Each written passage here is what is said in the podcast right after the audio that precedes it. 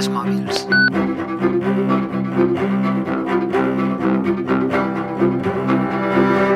Últimament són molts els analistes que descriuen el futur de la mobilitat com un món ple de cotxes autònoms. Diuen que en uns anys veurem l'acció de conduir com una salvatjada tan perillosa com ara ens sembla, per exemple, anar sense cinturó.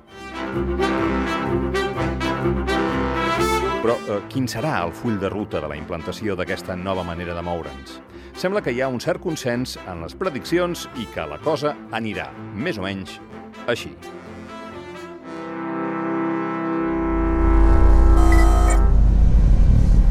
Els primers vehicles d'aquestes característiques arribarien entre el 2017 i el 2020.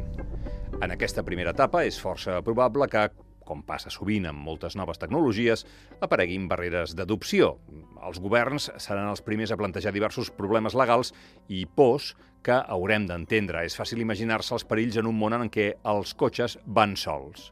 Què podria arribar a fer algú amb males intencions amb un cotxe sense conductor? A més, els cotxes eh, passarien a ser aparells amb moltes possibilitats de ser hackejats.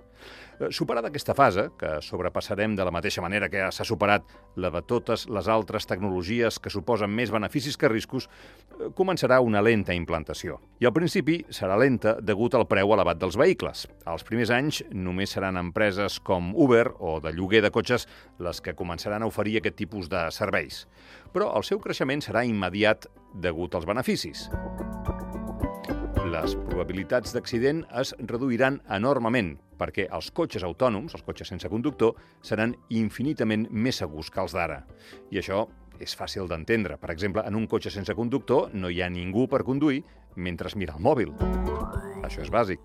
A més, si no hi ha ningú al carril de la dreta de l'autopista, no conduirà indefectiblement a 90 per l'alt del mig.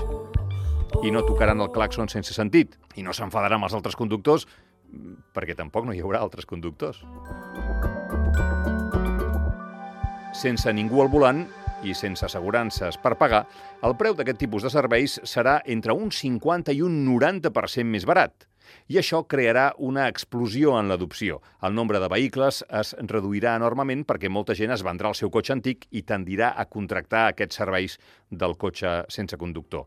El trànsit serà molt menor, no caldrà que hi hagi tants llocs d'aparcament a les ciutats i tots tindrem molt més temps perquè no caldrà que estiguem mirant a la carretera o al mòbil.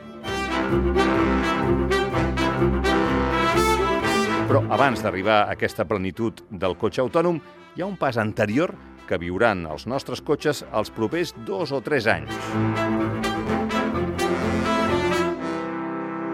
Dadesmòbils.com Abans, quan algú ens demanava que penséssim en el cotxe del futur, de seguida ens venien al cap els vehicles voladors. Però avui en dia és probable que el primer que ens imaginem siguin els cotxes autònoms. És completament normal, perquè els experiments que han fet companyies com Google, sobretot, però també Audi o Tesla, han tingut els últims anys una cobertura mediàtica molt gran.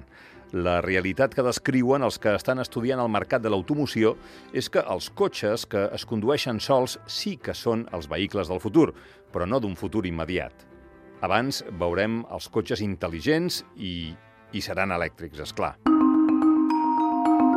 És evident que cada dia els cotxes incorporen més tecnologies, des de la integració dels nostres propis telèfons mòbils, l'assistència a la conducció, la detecció automàtica de col·lisions, càmeres de vídeo, suspensions automàtiques segons el tipus de terreny, però s'espera que en els pròxims mesos les principals empreses tecnològiques del planeta facin el seu desembarcament definitiu en el sector i es produeixi el que en diem un salt de gegant. I una de les majors esperances és Apple.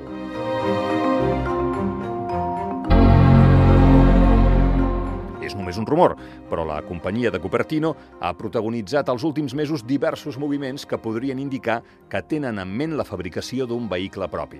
Per exemple, han contractat desenes d'enginyers de la marca d'automòbils Tesla i han llogat circuits per fer proves automobilístiques.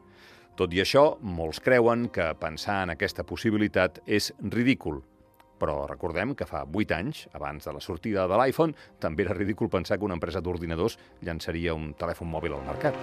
and we are calling it iPhone. Els periodistes tecnològics creuen que el fet que Apple estigui planejant un cotxe tindria sentit perquè, primer, tenen els diners per fer-ho, és una de les companyies amb més cash del planeta. ja tenen els punts de venda a tot el món.